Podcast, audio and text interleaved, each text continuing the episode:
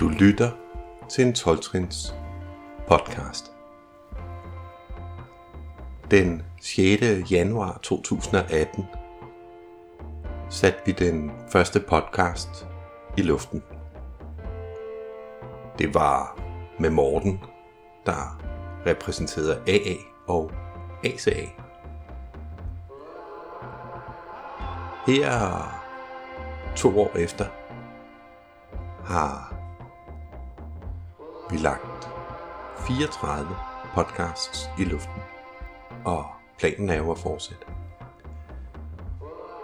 Sidste år fejrede vi et års fødselsdag med et første trinskonvent, og i år var det tid til et andet trinskonvent. Her er en af de ting, vi optog på dagen.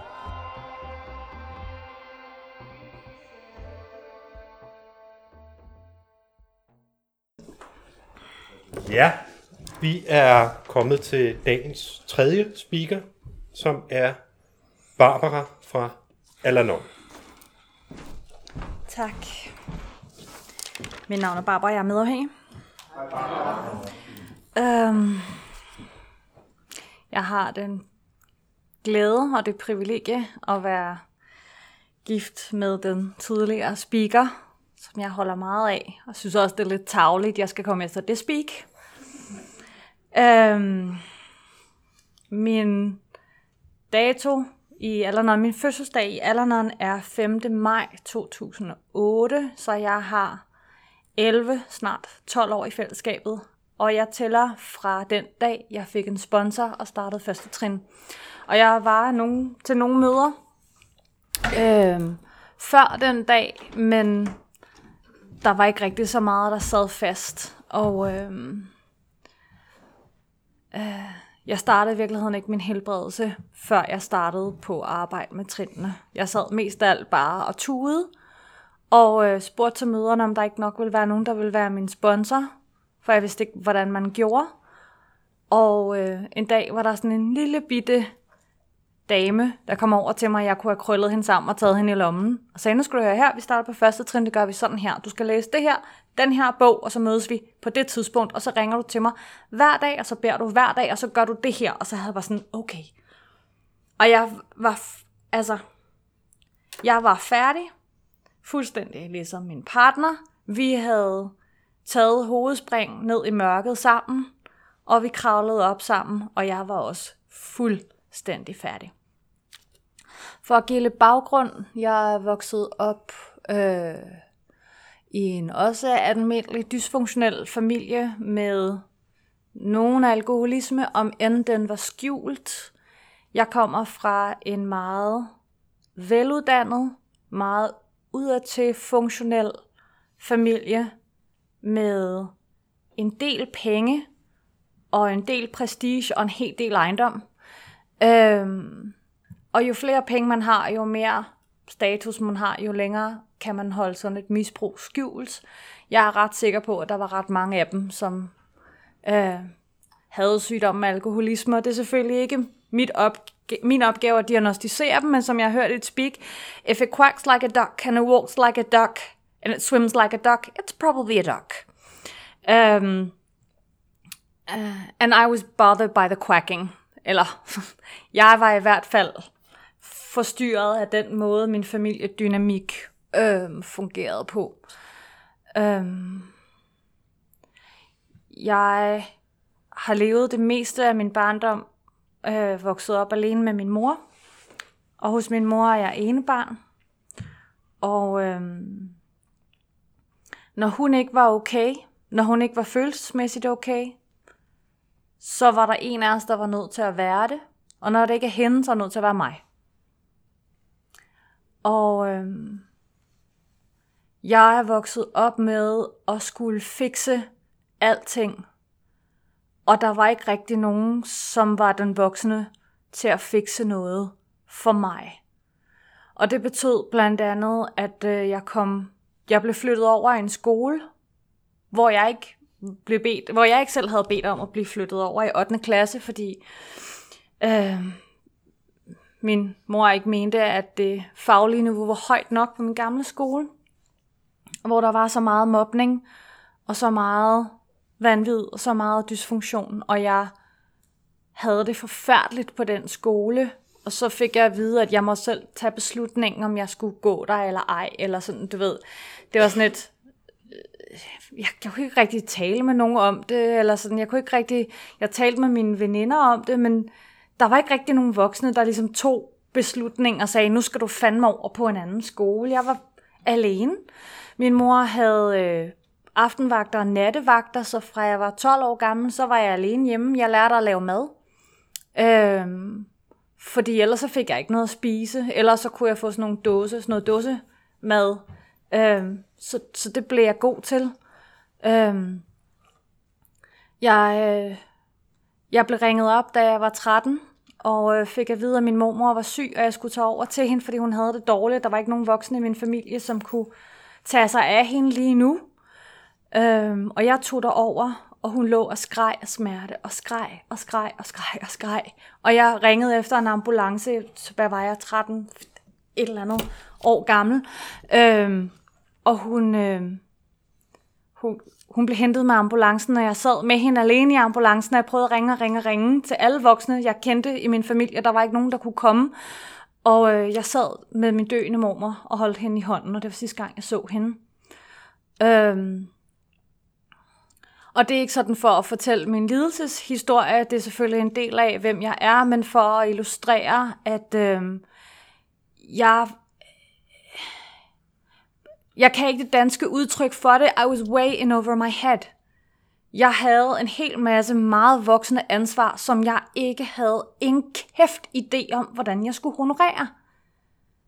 Jeg havde simpelthen ikke kapaciteten eller styrken eller noget som helst andet, men på en eller anden måde var det blevet signaleret, at de her ting var mit job, så det prøvede jeg at gøre, fordi det var jo mit job, og jeg vidste ikke, at det ikke var mit job.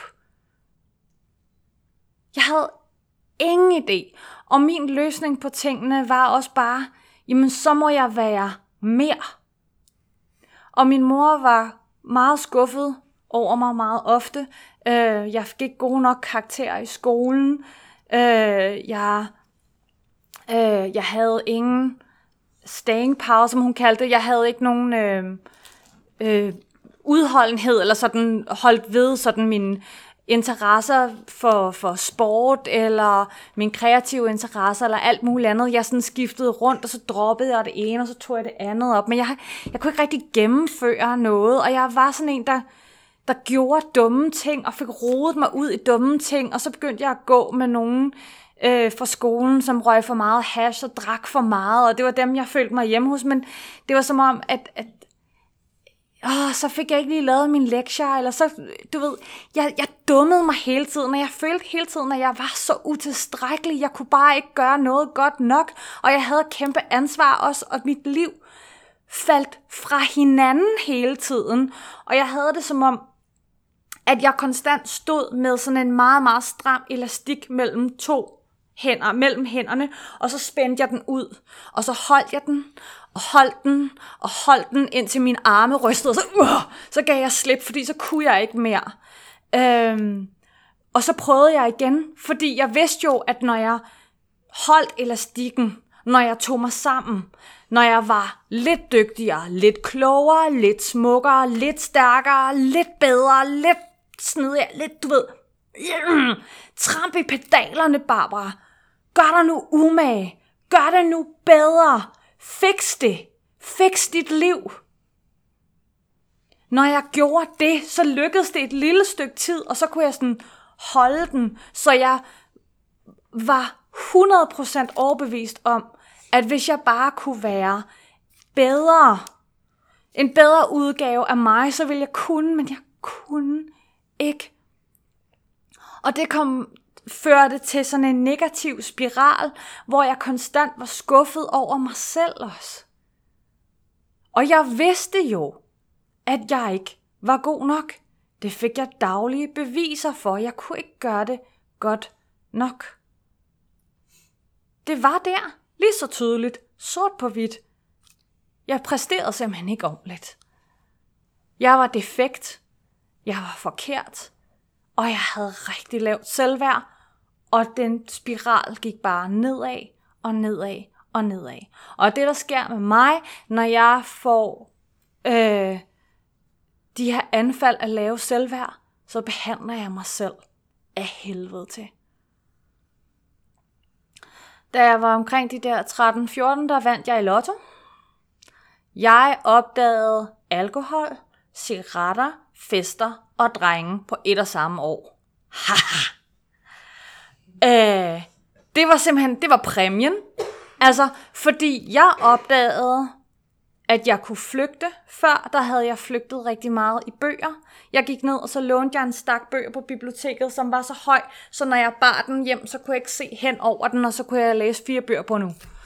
Og jeg elskede det. Jeg har altid læst bøger, og jeg elsker det stadig. Min mand kalder mig en ekvilibristisk eskapist.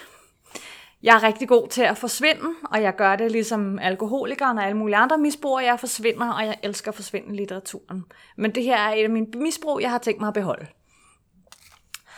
Øhm, jeg forsvandt ind i det der univers af sådan teenage-universet af, hvornår er den næste fest, og hvad for en dreng kan godt lide mig, og øh, hvem har den bedste, sejeste veninde klikke gruppe. Jeg blev del af sådan en veninde-klikke. Vi var tre, nogle gange fire piger, som var fuldstændig i symbiose. Og de havde brug for mig. Og når nogen har brug for mig, så har jeg, så er jeg, så har jeg jo fået bekræftet min eksistensberettigelse. Nogen har brug for, at jeg er noget for dem. Fordi jeg vidste, at jeg var jo ikke nok i mig, men når nogen sagde det, eller når nogen ligesom havde brug for det, som jeg var, så var jeg okay, og så fik jeg ligesom sådan en lettelse for det der, jeg er ikke nok, fordi jeg er noget for nogen.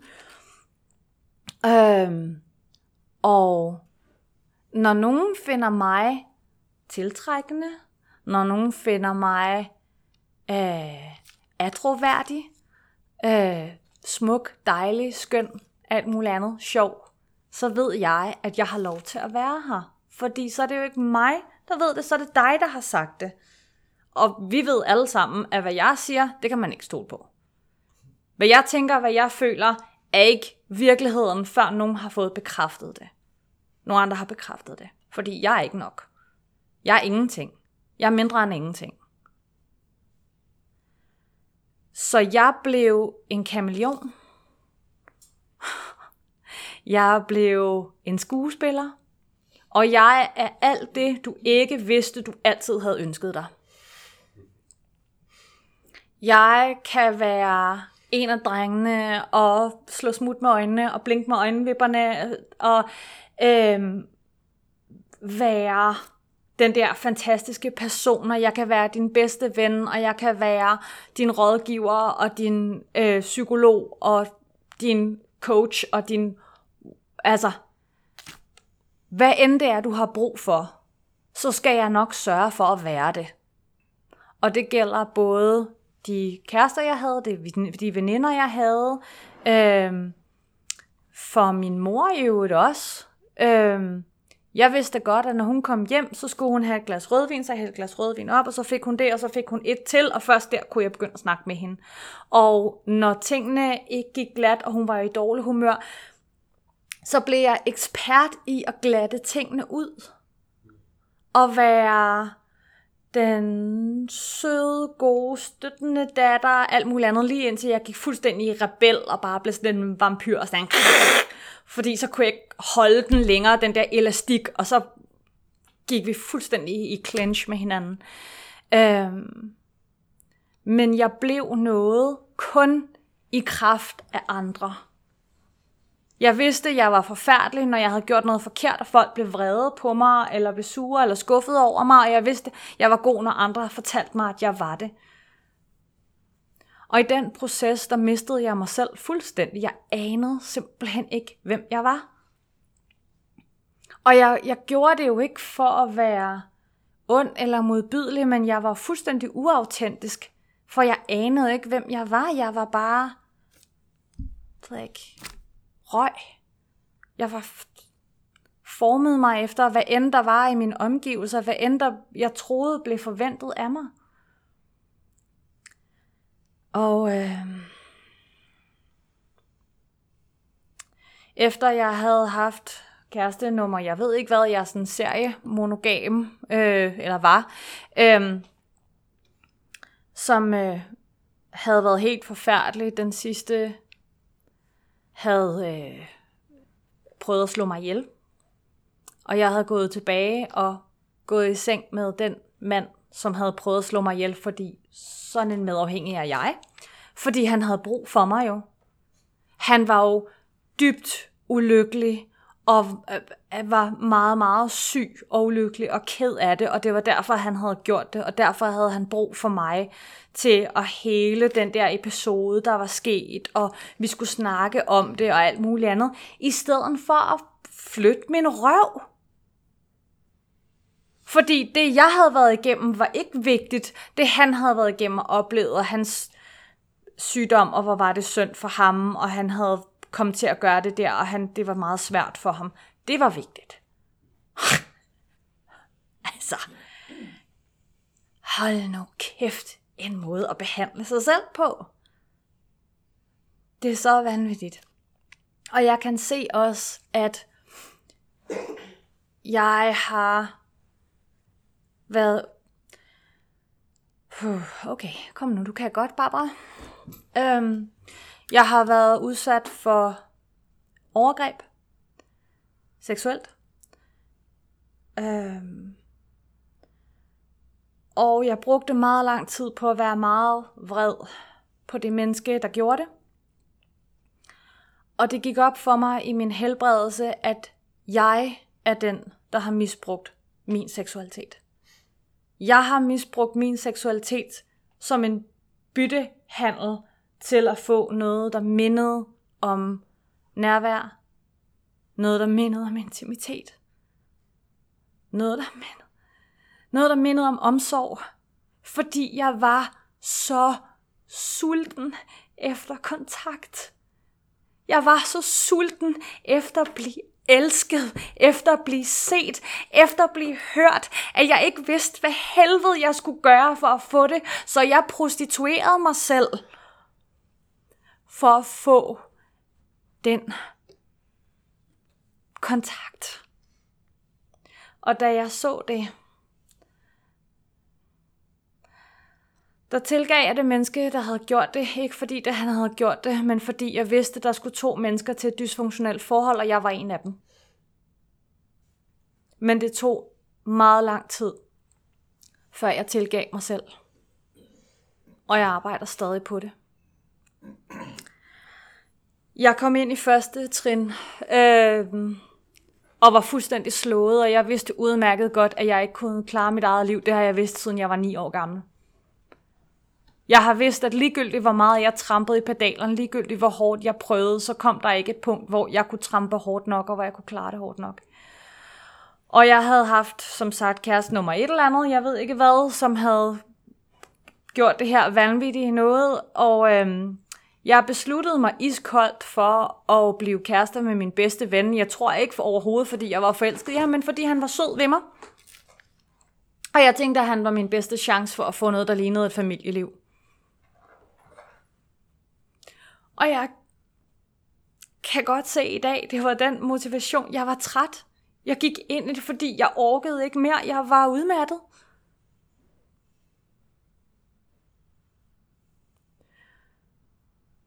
Men efter at vi begge to gik ind i program, efter vi begge to startede den her helbredelsesproces, og vi har fulgt hinanden hele vejen igennem og arbejdet traditionerne igennem parforholdet, så skete der noget fantastisk.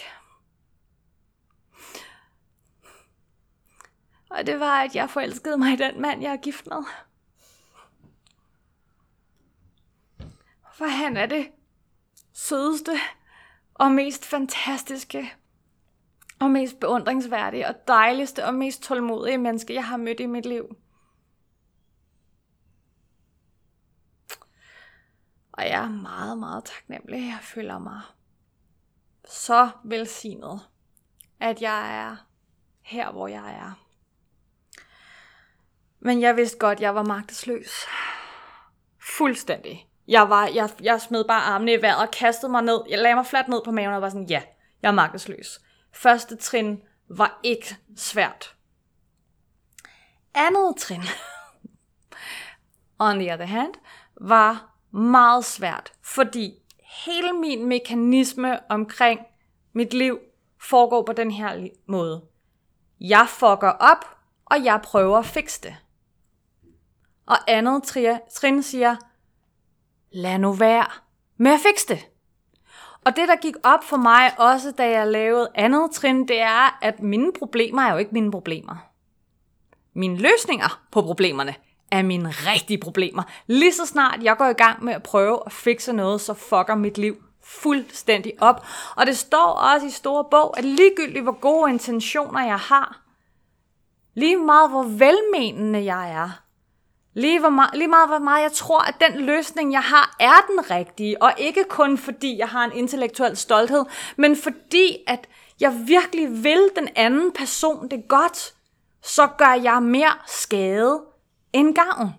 Og det kan jeg jo se, så længe jeg prøvede at fikse min mand og få ham til at holde op med at drikke. Så prøvede jeg aktivt, uden at vide det, at forhindre ham i at nå hans bund. Det øjeblik, jeg holdt op, med at fikse det, så gav jeg ham plads og rum til at ramme sin bund i sin egen tid. Og han kom kraftet mig selv op, og han har selv gået i fællesskabet, og han har selv fået sig en sponsor, han har selv lavet trinene. Jeg har ikke lavet den for ham, for jeg lover dig, hvis jeg havde lavet den for ham, så var det gået galt. Jeg er nødt til at sidde på mine hænder. Og øhm, det har jeg blandt andet, jeg, jeg, kan, jeg har lyst til at give nogle eksempler. Øhm, jeg holdt op med at prøve at fikse min mor. Og i dag er vores forhold et helt andet, end det har været. Vi har råbt og skrevet af hinanden og kastet ting i hovedet på hinanden. Og i dag har vi et glimrende, om end ikke tæt, forhold, men vi har en, en permanent våbenhvile, som har varet i mange år nu. Og hun er verdens bedste mormor. Men jeg prøver ikke længere at lave hende om til at være den mor, jeg gerne ville have, hun skulle være. Og det var det, jeg gjorde. Jeg fortalte hende for det første, at hun var en lortemor. Og for det andet, så prøvede jeg sådan at fremtvinge nærvær og kærlighed ud af hende, ved sådan at prøve at lave mig selv om, eller sådan, du ved. Og, og intentionerne er jo gode. Jeg vil bare gerne ses af min mor, og jeg vil gerne have, at hun har det godt. Det er da de bedste intentioner. Men der kom intet godt ud af det. Øhm, jeg er en person, jeg er en kvinde, som har lidt af cystisk akne. Og jeg kan fortælle jer, at det at have bumser, i, når man er i 30'erne, er no joke. Det er overhovedet ikke sjovt, og det har et rigtig meget af mit selvværd, og det har gjort, at jeg har følt mig så grim og så forkert, og har været så selvfordømmende. Og det gik ikke væk. Og det var lige meget, om jeg købte piller på apoteket og fik udskrevet forskellige ting fra lægen, og de skrabbeste cremer, og de vildeste kurer, og de vildeste sæber, og øh, lave om på, og vitaminpiller, og jeg skal komme efter dig. Jeg har gjort alt for at få det her til at gå væk. Ved du, hvad der fik til at gå væk? Ingenting.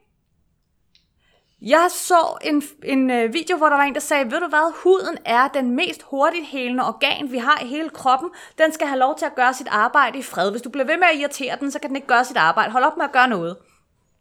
Så gjorde jeg ikke noget, så gik det væk. Jeg skal ikke gøre noget. Altså, det, det er fantastisk, og jeg genkender rigtig meget det der, der er delt. Jamen altså, hvis jeg, hvis jeg bare venter, hvis jeg bare ser, hvad der sker, så ligger problemet, så ligger løsningen lige foran mig. Hvis jeg mangler 800 kroner, lige nu, der i den her måned har det været en økonom- økonomisk lidt svær måned, og så tænker jeg, at vi kan ikke betale regninger, jeg får de vildeste katastrofetanker, alting bliver forfærdeligt, alt muligt andet.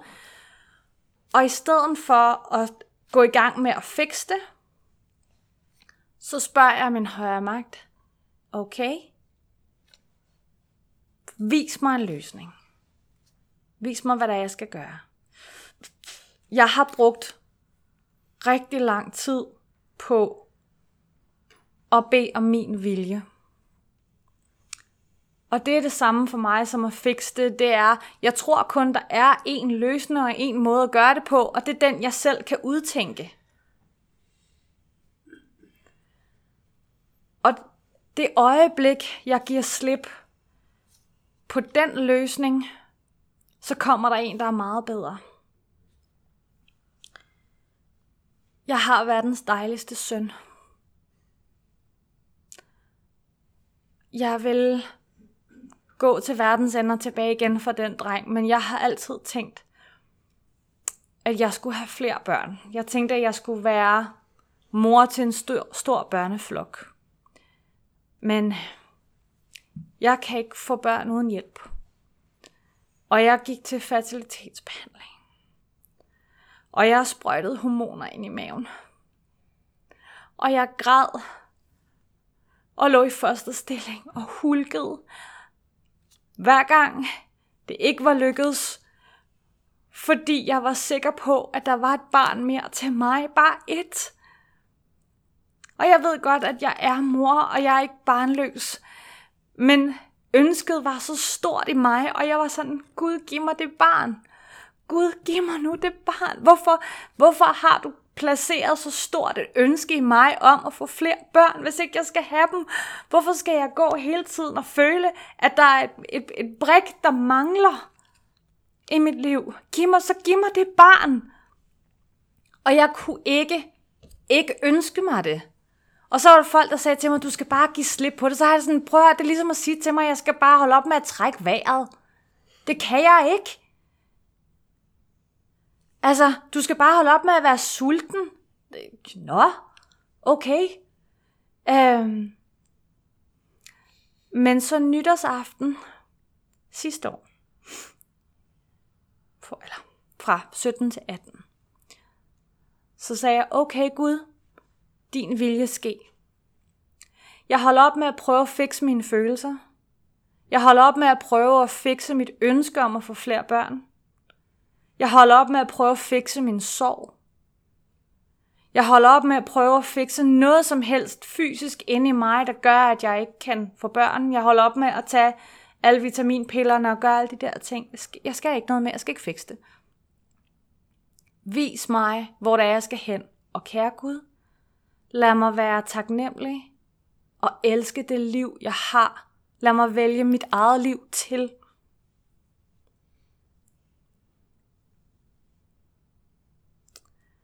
Og så gav det slip.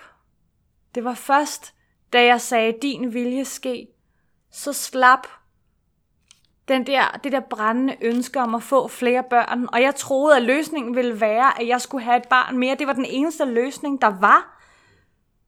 Og løsningen blev, det slap. Og jeg er så taknemmelig for det barn, jeg har. Jeg har den dejligste unge i verden, og jeg er mor. Og jeg havde så travlt med at få et barn mere, så jeg nærmest glemte det barn, jeg havde, fordi jeg var så ulykkelig over, at jeg ikke kunne få flere. Min lillebror er 10 år yngre end mig. Vi har samme far. Han har lige fået pige nummer to.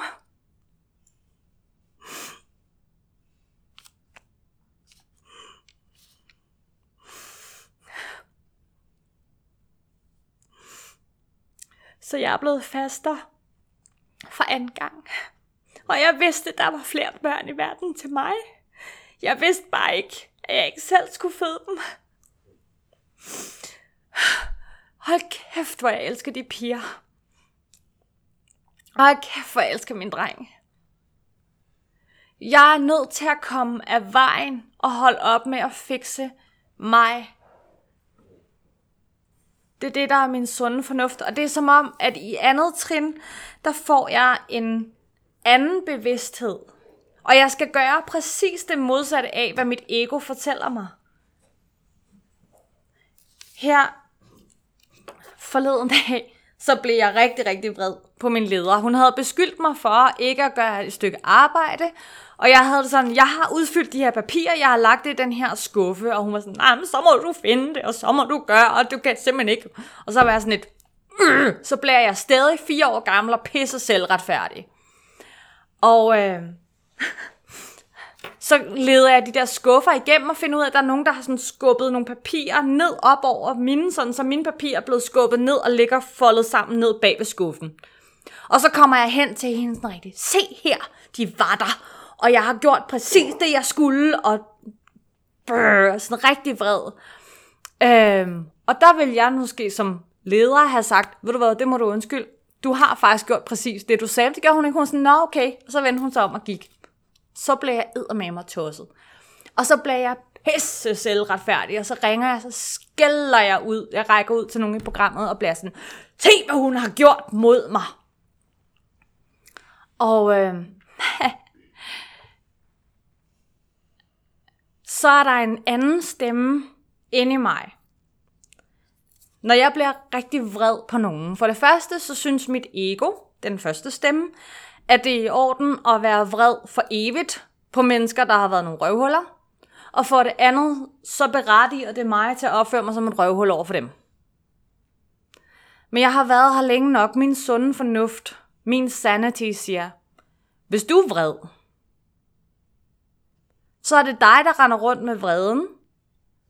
Og så skal du rende rundt og være vred, og det er pisse irriterende. Og for det andet, hvis du opfører dig som en røv over for hende, så er det dig, der opfører dig dårligt, så er det dig, der er et dårligt menneske.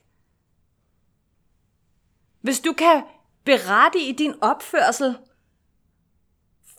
og altså, til at, til at opføre dig dårligt, det kan du da ikke. Så kan du da ikke se dig selv i spejlet. Min sunds fornuft siger, okay, så skal jeg opføre mig ordentligt.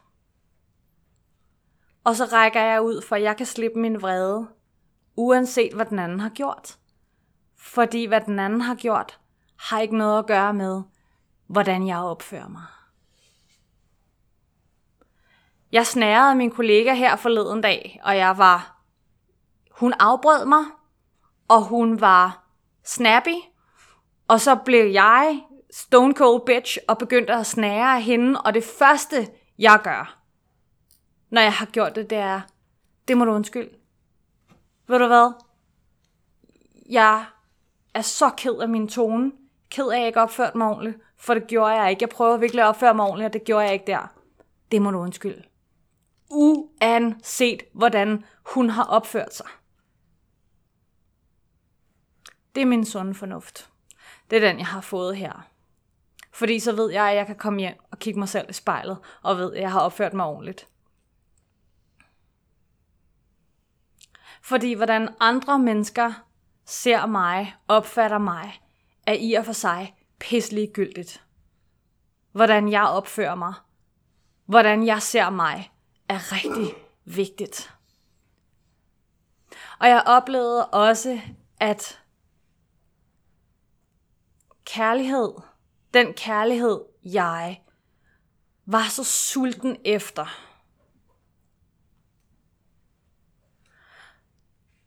den holder jeg op med at ønske for andre, når jeg begynder at gøre præcis det og praktisere det, som jeg gerne vil have, andre mennesker skal gøre over for mig. Og det har ikke ret meget at gøre med mine følelser, fordi følelser går over. Og følelser kommer og går, ligesom skyer på himlen. Kommer og går. Hele tiden. Men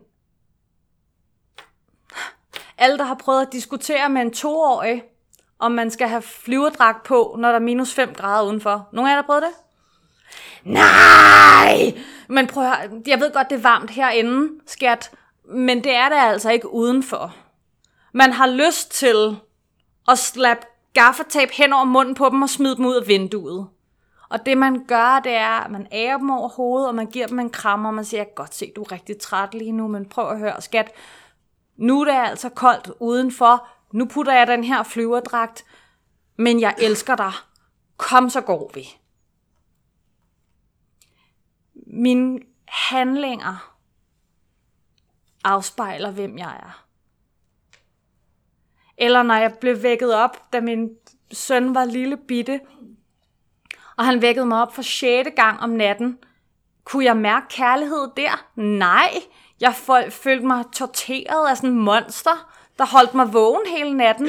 Men det jeg gør, det er, at jeg giver ham sutten, når jeg ærer ham over hovedet, og kysser ham og synger en sang, og så går jeg i seng igen. Kærlighed for mig har ikke ret meget at gøre med, hvordan jeg føler lige her og lige nu. Det har rigtig meget at gøre med, hvordan jeg opfører mig. Det er min sunde fornuft. Min sunde fornuft er større end det, der er bare lige her og lige nu, det jeg føler nu, eller det jeg tænker lige nu. Kan jeg altid mærke kærlighed til min mand? Mm, nej, ikke altid, vel? Altså, alle, der har været i længere parforhold, ved godt, at nogle gange er de dejlige, og nogle gange har man lyst til at slå dem i baghovedet med en stegepande.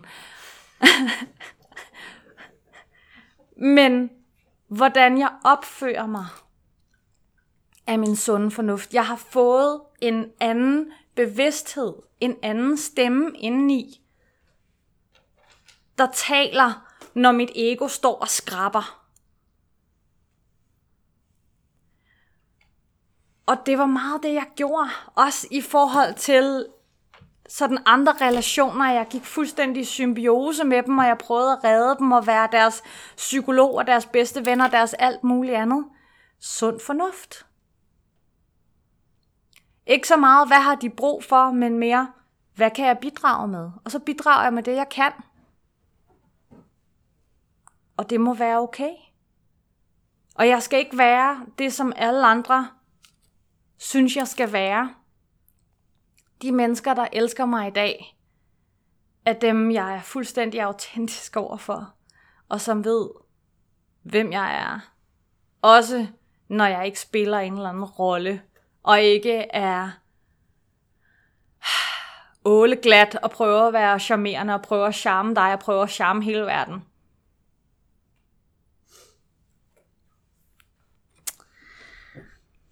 Hmm. Godt.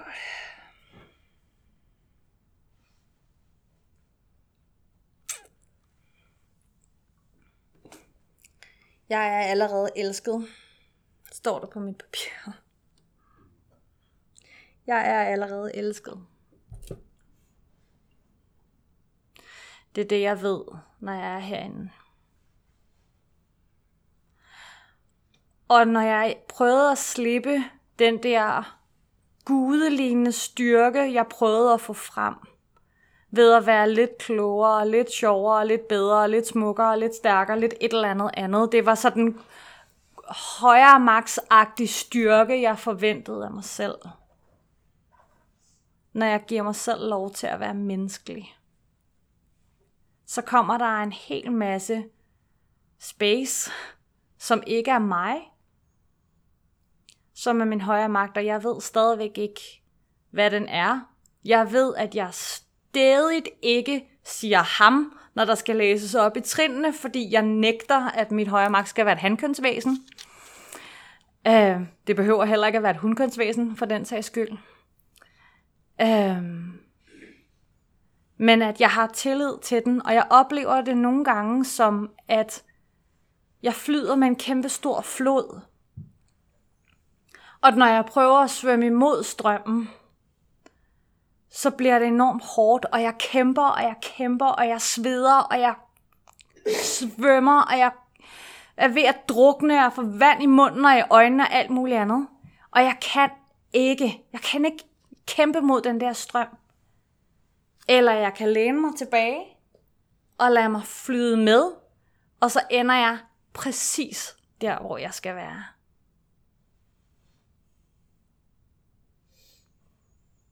Og jeg skal tage den her beslutning på daglig basis og lade mig flyde med, fordi jeg har allerede, øh, inden jeg vågner om morgenen, inden jeg står op om morgenen, der har jeg 10 gode idéer til, hvordan jeg skal fikse mit liv og gøre mit liv bedre. Øhm, og jeg har engang hørt, programmet er bare det, man laver for at komme af vejen og lave noget andet, mens Gud arbejder. Og jeg er så enig. Det er først, når jeg holder op med at fikse mit liv, at jeg giver plads. Og når jeg beder om din vilje ske, og ikke min. Jeg har prøvet det der med at bede om ting. Der var et nytår, hvor jeg bad om, at jeg måtte få en kæreste, fordi jeg var meget, havde været single i lang tid, og det var jo det, der ligesom skulle til, for at jeg følte mig okay. Øhm, og det var så der, jeg fik den, den sidste psykopat, som drev mig fuldstændig til vanvid, og hvor jeg flygtede flere gange, og altså, det var simpelthen det mest forfærdelige forhold, jeg nogensinde har været i. Og så næste gang, så bad jeg om en sød kæreste. Og så fik jeg den mand, jeg har nu. Jeg havde bare glemt at bede om en, der ikke var alkoholiker, og som ikke var ved at drikke sig selv ihjel. Øhm, min højre magt giver mig, hvad jeg beder om. I dag tør jeg ikke bede om noget. Jeg gør det ikke. Altså, jeg, har, jeg, jeg, jeg tør simpelthen ikke. Det eneste, jeg er nået frem til, jeg tør bede om, det er healthy and happy, følelsesmæssigt, åndeligt og fysisk. Og det ved jeg ikke engang, om er for meget og for specifikt. Men hvordan det sker, det er op til min højre magt. Hvordan end det ser ud i mit liv, det er op til min højre magt.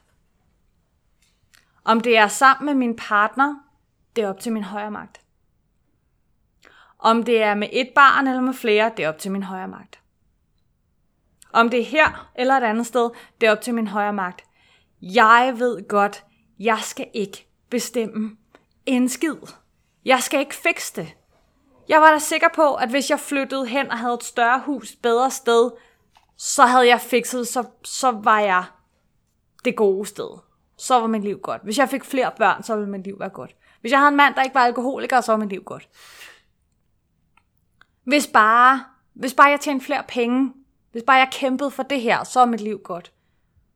Og jeg er pissegod til at knokle, jeg er pissegod til at træde i pedalerne for at få min drømme til at gå i opfyldelse, sådan så mit liv bliver godt, og det eneste, jeg skal gøre, det er at sidde på mine hænder og sige, din vilje ske. Det tror jeg var det. Tak for mig.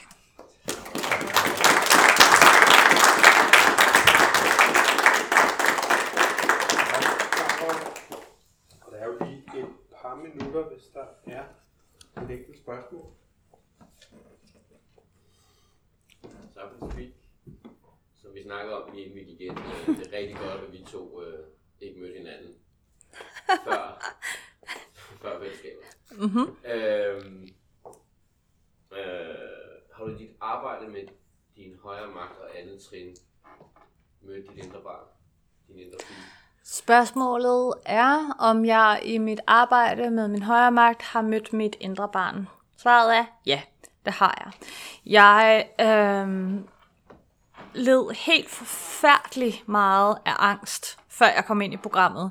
Så meget, så jeg ikke kunne tale med fremmede mennesker. Jeg kunne ikke tage offentlig transport. Jeg kunne ikke være steder, hvor jeg ikke havde været før. Jeg kunne ikke øh, gennemføre en uddannelse. Jeg har startet på Gud må vide, hvor mange uddannelser. Jeg har ikke gennemført noget som helst. Som sagt, jeg kunne ikke gennemføre noget, som jeg startede med at forklare. Øhm, og øhm, angsten overtog fuldstændig mit liv. Og jeg havde det fuldstændig ligesom det øh, tidligere speak. Jeg var øh, glasgård skarpe kanter. Og jeg forestiller mig nogle gange, at jeg er gået ind i sådan et hus, ind i mit sind, og der var sådan mørke rum med, med brædder, der var sådan slået for dørene og lukkede vinduer og skodder for vinduerne. Der var mørkt, og der var uhyggeligt, og der var monstre derinde. Og jeg havde det sådan med mit sind. Det var, at det var som om, der var en masse steder, jeg ikke turde at gå hen, fordi det føltes som sådan nogle monstre. Hvis jeg gik hen, jeg har sådan noget angsten for angsten. Jeg har sådan noget, hvad hedder det, sådan noget general anxiety, tror jeg det hedder. Øhm, at, at uanset hvor jeg sådan gik hen i mit sind, og så, så blev jeg sådan angst for det, eller sådan mine egne tanker og tvangstanker. Altså jeg virkelig, jeg var fuldstændig vanvittig, og jeg er ret sikker på, at hvis man havde kigget på mig og min partner og tænkt, en eller anden fremmed udpege, hvem der var sindssyg, så var jeg ret sikker på, at de fleste havde peget på mig, for jeg var tydeligvis udad til den, der var mest sindssyg at se på. Øhm, jeg var den, der jagtede ham gennem parken og tævede ham. Yes. Øhm, men da jeg så begyndte på mit trinarbejde, og begyndte at åbne de der rum, og begyndte at åbne de vinduer, og fik noget lys ind, det jeg opdagede, det var, der er ikke nogen monstre derinde. Der er ingen monstre derinde. Der er, en lille, der er et lille barn, der græder og er bange og siger, jeg kan ikke finde ud af det her. Jeg kan ikke finde ud af at klare det her. Jeg ved ikke, hvordan jeg skal. Jeg har ikke redskaberne til det her. Jeg ved ikke, hvad helvede jeg skal gøre. Jeg prøver alt det, jeg kan, men jeg kan ikke finde ud af det. Det fejler hele tiden. Og da jeg først begyndte at tage hende i hånden, så begyndte mit liv at blive rigtig meget bedre. Nogle gange når det var det bare, når jeg skulle ud af døren. Det der med at skulle ud af døren, når man har angst, kan være en rigtig stor opgave. Så begyndte den, øh, jamen jeg kan ikke finde mit røde halsterklæder, det er også bare fordi, og jeg vil ikke ud og... Sådan fuldstændig ligesom sådan et barn, der skal ud af døren, sådan helt hysset. Og så begyndte jeg at tale til hende, ligesom jeg ville gøre til et barn. Så jeg, okay skat, Prøv. Nu har du fem minutter til at lede efter dit røde halsterklæde, men så skal vi altså ud af døren, og ellers så må du tage det gule halsterklæde, og det er også okay. Fortæl mig lige først, hvad er det, du er bange for, når du skal ud af døren? Jamen, det er faktisk, fordi jeg skal ud og møde nogen, og du ved, det er nogen, jeg er lidt nervøs ved, og hvor jeg føler mig lidt akavet, og jeg er bange for, at de synes, jeg er åndssvag, og, øh, og de ikke synes, jeg er god nok. Okay, det er det, det handler om. Det handler faktisk ikke om, at du vil have dit røde halsterklæde på. Det handler om, at du vil gerne dresse dig ud, sådan så de synes, at du er pæn, og du er okay. Sødeste, dejlige lille skat, du er så fin, med eller uden rødt halsterklæde. Ligesom jeg vil gøre til et barn. Og da jeg begyndte at tale til hende sådan, hver gang, ligesom jeg vil gøre til min egen unge, giv hende en klem, giv hende et kys på kinden og sige, det er okay så begyndte min angst at forsvinde. Og jeg har ikke haft angstanfald i over 12 år. Jeg kan godt få det lidt en gang imellem, men jeg ved, at jeg altid godt går ind og holder den pige i hånden, fordi hun har så meget brug for en krammer. Var det svar nok? Tak. Barbara. Ja,